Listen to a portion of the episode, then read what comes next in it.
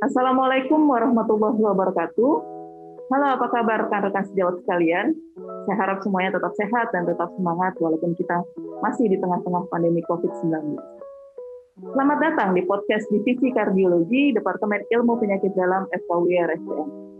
Pada episode kali ini, kita telah kedatangan seorang uh, tokoh atau pakar kardiovaskular yang sangat terkenal di Indonesia. Uh, yang mana mungkin rekan-rekan sejawat sudah mengetahui seorang dosen uh, kita di FKUI yang juga sangat terkenal dan sangat mengayomi murid-muridnya, yaitu Profesor Dr. Dr. Uh, Idrus Alwi, spesialis penyakit dalam konsultan kardiovaskular. Apa kabar Prof. Idrus? Sehat Prof? Alhamdulillah sehat Dr. Lucy. Sehat ya, harus tetap semangat ini walaupun di era pandemi ya. Harus Prof, harus Prof. Kita harus tetap semangat walaupun kita masih bermasker ya Prof. Ya. Ke mana-mana kita masih bermasker ya Prof. Ya. ya betul. Baik Prof. Uh, jadi pada episode kali ini Prof, uh, kita akan berbincang-bincang mengenai sesuatu topik yang uh, sangat menarik Prof. Tapi mungkin rekan-rekan sejawat tidak terlalu mengetahui nih Prof, yaitu mengenai stem cell. Nah, mungkin Prof bisa sedikit Prof uh, menjelaskan apa sih itu stem cell, Prof? Silakan, Prof. Baik, terima kasih Dr. Lucy. Jadi ya stem cell memang akhir-akhir ini menjadi menarik ya karena banyak sekali riset-riset untuk melihat peran daripada stem cell pada berbagai penyakit ya kalau dulu di awal-awalnya, itu di era awal tahun 1950-an, itu terapi stem cell ini terutama uh, diindikasikan, ditujukan untuk riset pada uh, transplantasi sumsum tulang. Tetapi akhir-akhir ini riset mengenai stem cell terus berkembang luas untuk berbagai penyakit. Ya, saya kira banyak sekali penyakit-penyakit, baik itu penyakit degeneratif ya, mulai dari penyakit pada misalnya pada penyakit uh, artikular, kemudian juga pada penyakit-penyakit degeneratif yang lain seperti stroke, termasuk juga penyakit kardiovaskular, diabetes dan lain-lain. Saya kira luas sekali uh, penelitian mengenai stem cell pada berbagai penyakit degeneratif. Ya, baik Prof. Jadi sebenarnya stem cell ini ada berbagai macam jenis ya Prof ya? Ya. menjabarkan sedikit Prof, memberikan wawasan lebih kepada kami. Jadi tipe-tipe atau jenis uh, stem cell itu apa saja Prof? Baik, terima kasih. Jadi sebelum kita membahas mengenai jenis-jenis stem cell, uh, terlebih dahulu saya ingin menyampaikan bahwa stem cell itu merupakan suatu sel punca, yaitu suatu sel yang berada pada stadium paling awal dari perkembangan stem uh, sel jadi kita tahu kalau sel dewasa itu berbeda ya dengan sel-sel uh, punca tadi. Sel dewasa sebagai contoh misalnya uh, sel hati, dia fungsinya spesifik. Dia hanya untuk hati, tidak bisa untuk misalnya untuk jantung. Nah, sedangkan stem cell atau sel punca dia merupakan suatu sel yang berada pada tahap awal daripada suatu perkembangan sel dan dia bisa berdiferensiasi menjadi berbagai jenis sel. Jadi dia kalau dia diberikan pada sel jantung pada jantung dia akan menjadi sel jantung. Ya, kalau diberikan pada hati dia akan menjadi sel hati. Jadi dia mempunyai kemampuan untuk berdiferensiasi untuk menjadi berbagai jenis uh, sel. Jadi ini yang merupakan hal yang menarik. Nah, mengenai jenis daripada stem cell eh, cukup banyak. Kita mengenal ada yang kita kenal sebagai stem cell yang berasal itu autologous, itu yang artinya dari pasien sendiri. Ada juga yang allogenik, ya allogenik itu maksudnya yang bukan dari pasien itu sendiri. Nah, yang yang pada awal-awal riset itu banyak digunakan stem cell yang autologous karena sifat daripada rejeksi atau penolakannya itu uh, sangat kecil atau rendah. Sebagai contoh itu kita mengenal awal sekali itu mengenal uh, namanya skeletal myoblast, tetapi itu sudah uh, jarang digunakan khusus terkait dengan jantung ini ya. Jadi karena risiko terjadinya gangguan irama jantung atau aritmia.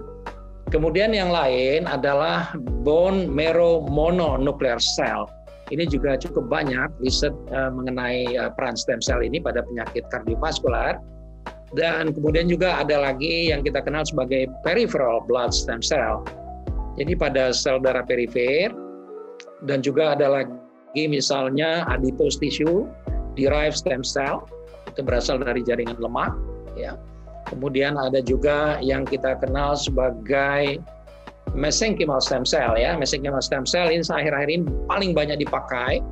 Jadi sumbernya bisa uh, beragam, mulai dari adipose tissue, kemudian ada juga yang adipose tissue bisa dari allogeneic ataupun dari autologous ya. Kemudian yang cukup banyak sekarang ini dikembangkan adalah stem cell ini yang berasal dari allogeneic ya. Jadi misalnya dari umbilical cord atau placenta ya jadi sehingga bisa dikembangkan dengan lebih banyak lagi. Jadi stem cell itu juga dia bisa di culture. Jadi dia bisa diproduksi dengan jumlah yang cukup banyak.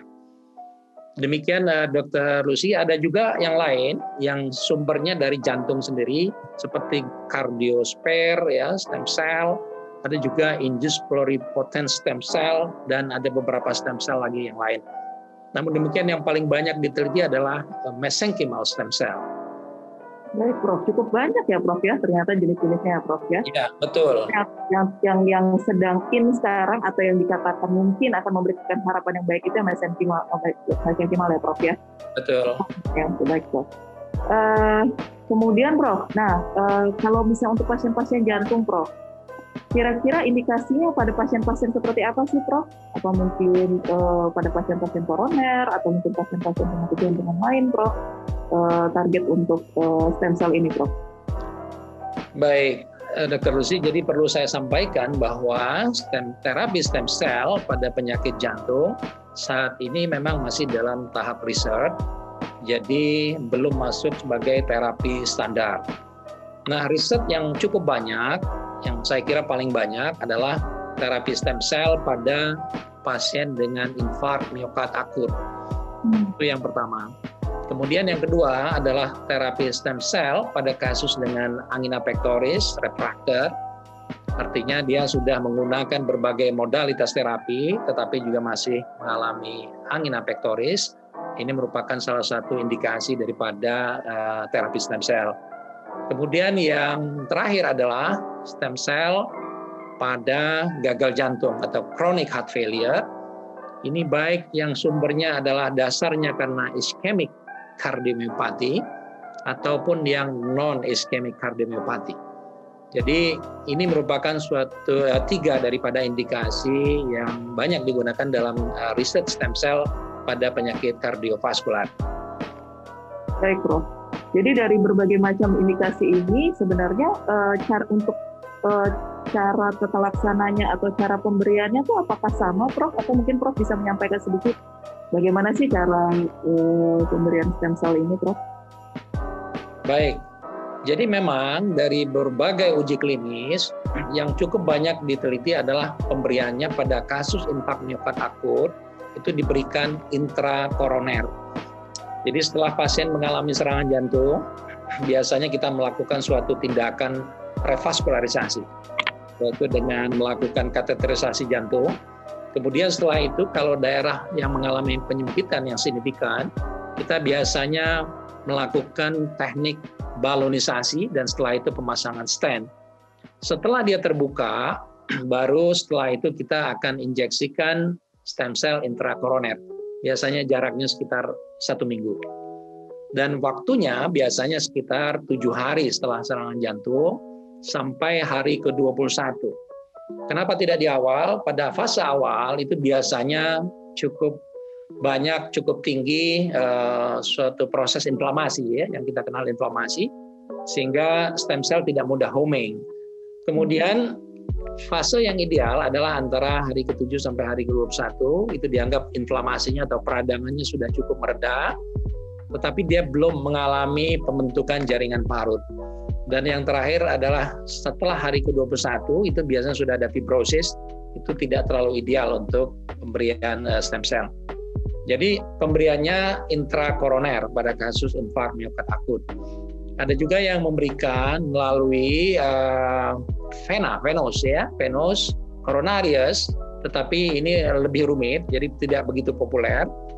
Kemudian pada kasus yang lain adalah pada kasus dengan eh, gagal jantung, itu ada juga pemberian dengan cara injeksi transendokardial. Ya, jadi langsung disuntikkan dengan suatu teknik kateter tertentu, disuntikkan langsung pada otot jantungnya melalui transendokard. Jadi melalui kateter juga, ya. Kemudian ada juga kalau kebetulan pasiennya juga dilakukan misalnya operasi pintas koroner atau KBH, operasi bypass, itu juga bisa juga dengan transepikardial jadi disuntikkan pada waktu operasi itu. Tapi ini juga tidak semua pasien kan tidak dilakukan operasi semua. Jadi yang cukup menjanjikan adalah intrakoroner.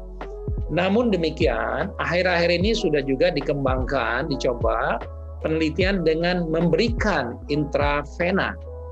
Kan prinsipnya kita ingin kemudahan.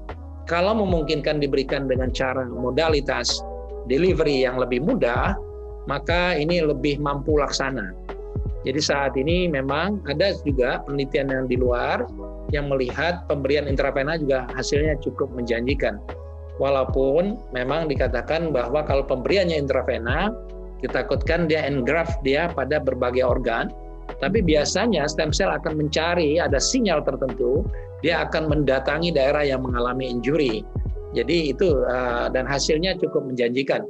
Saat ini juga di Indonesia sedang dikembangkan penelitian terkait dengan ini. Jadi apakah itu mesenchymal stem cell, baik itu intrakoroner, dan kita akan bandingkan dengan pemberian intravena.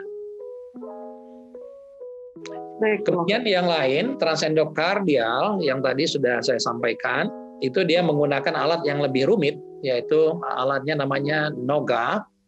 Jadi kita bisa melakukan suatu mapping atau pemetaan daerah-daerah yang mengalami gangguan pada kontraktilitas, tetapi dia masih mempunyai uh, voltase, jadi dia masih viable, dia masih hidup, dan pada daerah-daerah itulah setelah kita lakukan mapping, kita bisa suntikkan secara intra, uh, transendokardial.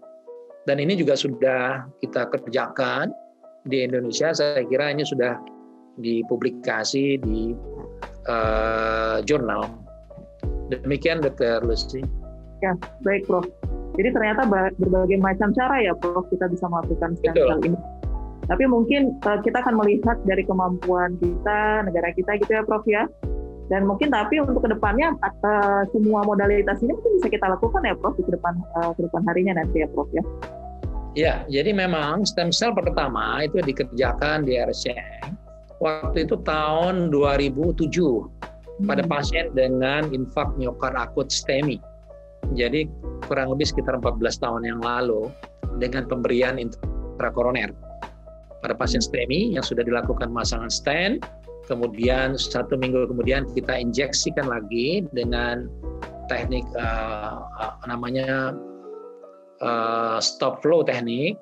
Jadi kita balon, ya, kemudian kita injeksikan stem cell-nya, kemudian kita kembangin lagi sampai berapa kali suntikan dan kita harapkan dengan uh, teknik balon tadi ada kesempatan daripada stem cell itu untuk homing di daerah yang mengalami injury.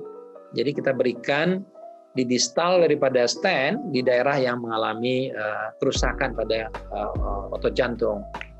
Jadi kita tahu memang terapi dengan pemasangan stent itu bisa membuat pembuluh darahnya menjadi kembali normal, tetapi eh, terapi dengan stent maupun medikamentosa dia tidak bisa memperbaiki daerah yang sudah mengalami nekrosis. Dan peran itulah nanti yang akan diambil alih oleh terapi dengan stem cell. Ada lagi terapi lain dengan transplant, tetapi kita tahu bahwa transplant mempunyai keterbatasan karena donornya yang sangat terbatas. Sehingga ini stem cell saat ini merupakan salah satu terapi yang cukup menjanjikan untuk masa depan terapi penyakit kardiovaskular. Ya betul Prof. Jadi kelihatannya ke depannya walaupun mungkin pasang stent tapi tetap harus ada tambahan eh, stem cell ini ya Prof ya. Jadi untuk memperbaiki jaringan-jaringan yang sudah sudah nekrosis. Betul. Jadi memberikan harapan hidup juga yang lebih lebih besar, lebih lama ya, Prof, pada pasien-pasien yang sudah menjalani atau sudah mengalami uh, penyakit jantung, terutama penyakit jantung koroner. Betul. Baik, Prof. Uh, kemudian Prof uh, tadi sudah Prof sampaikan bahwa uh, saat ini terapi atau tata laksana stem cell ini masih berupa riset ya Prof ya. Iya. Yeah. Riset di uh, seluruh dunia mungkin ya Prof. Nah kalau misalnya di Indonesia sendiri bagaimana Prof uh, riset mengenai stem cell ini? Dan apakah menunjukkan tanda-tanda harapan yang cukup baik Prof ke depannya Prof? Baik, jadi memang saya kira uh, randomized clinical trial atau uji klinis ini sudah ya, cukup banyak ya dari banyak studi. Namun demikian, dari hasil daripada uji klinis ini ada yang menunjukkan hasil yang baik. Namun demikian sebagian lagi ada juga yang hasilnya tidak begitu mengembirakan. Walaupun ada beberapa meta analisis dari uji klinis tadi menunjukkan bahwa terapi stem cell ini bisa memperbaiki antara lain memperbaiki fungsi pompa jantung atau ejection fraction. Kemudian yang kedua adalah terapi stem cell juga bisa mengurangi jaringan parut jantung. Ini juga sudah uh, dilihat dari meta analisis. Jadi ini merupakan terapi yang uh, cukup menjanjikan ya. Nah, untuk uh, riset saya kira sih sudah puluhan mungkin ratusan dan di Indonesia saya kira ada beberapa center yang mengerjakan ya RSCM, kemudian juga Rumah Sakit Jantung Harapan Kita, dan juga mungkin juga Rumah Sakit Dr. Stomo, uh, mungkin ada beberapa rumah sakit uh, swasta yang lain juga mengerjakan hal yang sama. Dan kita memang masih menunggu, barangkali dengan mudah-mudahan dengan makin banyak studi-studi yang ada, ini akan lebih meyakinkan kita semua Semoga terapi stem cell ini ke depan bisa masuk sebagai terapi standar pada pasien-pasien dengan penyakit kardiovaskular khususnya pasien dengan infak miokard akut. Ya, baik Prof. Nah, Prof, uh, mungkin sedikit Prof. Uh, sebenarnya kalau misalnya tadi kan Prof lebih banyak menjelaskan mengenai yang uh, apa penyakit jantung koroner ya Prof, uh, yang pada pasien-pasien post infak jadi dilakukan pemberian uh, atau tata laksana stem cell ini 7 sampai 21 hari, Prof. Nah, saya tuh tertarik uh, mengenai yang gagal jantung, Prof. Karena kan kita cukup banyak, Prof, pasien-pasien gagal jantung. Kira-kira ada timing tertentu nggak, Prof? Uh, karena kan mungkin pasien-pasien gagal jantung, apalagi pasien-pasien gagal jantung sudah cukup lama, mungkin jaringan nekrosis itu juga cukup banyak, gitu, Prof. Nah, eh, ada timing tertentu atau mungkin ada riset-riset tertentu yang sudah dilakukan pada pasien-pasien eh, gagal jantung tersebut, Prof? Ya, baik. Jadi memang untuk pasien gagal jantung, eh, riset yang saat ini memang eh, masih dibatasi pada pasien-pasien yang no option patient. Artinya begini, pasien ini sudah misalnya dilakukan tindakan revaskularisasi sudah di stand atau mungkin juga dioperasi pintas koroner, bypass ya. Namun demikian tetap mengalami keluhan dari gagal jantung. Dia juga sudah mendapatkan terapi medikamentosa yang optimal. Namun demikian juga masih juga menderita atau mengalami keluhan gagal jantung yang tidak begitu membaik. Nah, kasus-kasus demikian ini yang menjadi kandidat terapi pada pasien dengan end stage heart failure jadi ini studi-studi termasuk studi yang kita kerjakan pada pasien gagal jantung dengan low ejection fraction, fungsi kontraktilitasnya rendah, kemudian dilihat respon daripada pemberian stem cell. Nah, saat ini yang banyak digunakan di dunia dan juga riset juga pernah dikerjakan juga di Indonesia. Indonesia menjadi salah satu site dari alat noga tadi ya. Jadi memang untuk di Asia kita yang kedua itu setelah Saint Mary Hong Kong.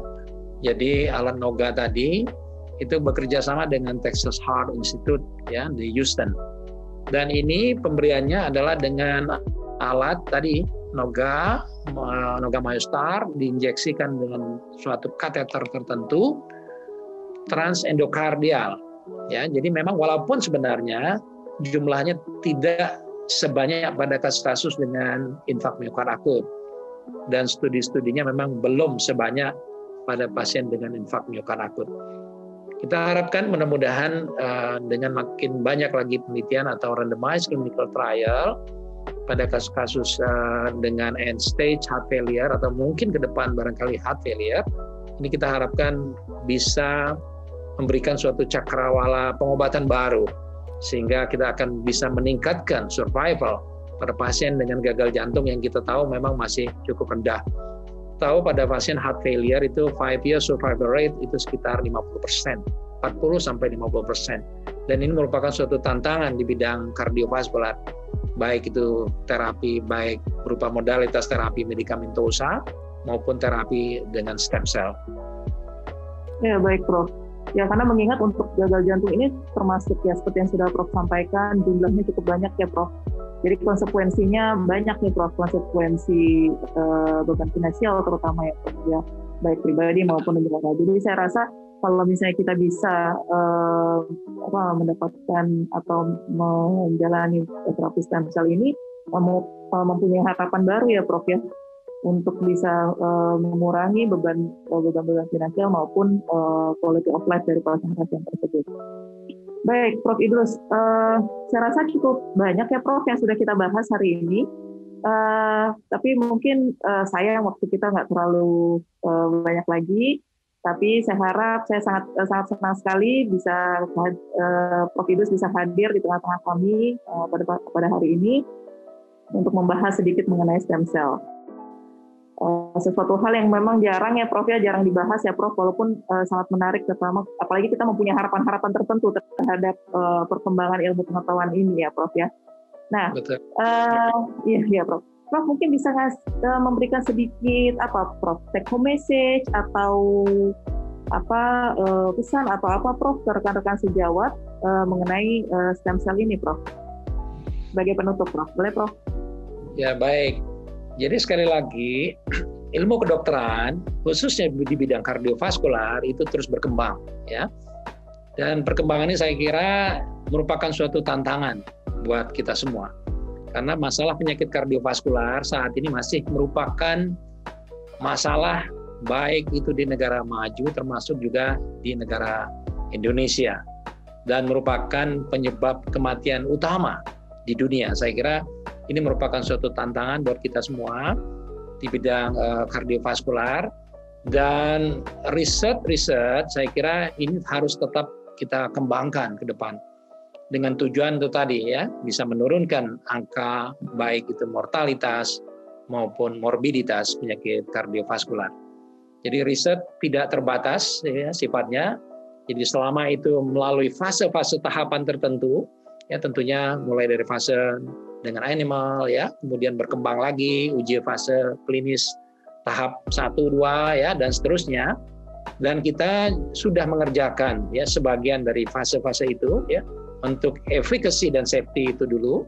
Kemudian ke depan baru kita melihat studi terhadap uh, outcome yang sifatnya hard endpoint seperti bagaimana terapi sesuatu terapi baru itu bisa menurunkan morbiditas dan mortalitas kardiovaskular jadi saya kira itu saja yang uh, ingin saya sampaikan sekali lagi uh, riset uh, terus berkembang dengan berbagai modalitas terapi dan kita harapkan ke depan tata laksana penyakit kardiovaskular ini akan dapat terus memperbaiki survival pasien-pasien khususnya pasien dengan penyakit kardiovaskular. Terima kasih. Terima kasih Prof. Idrus.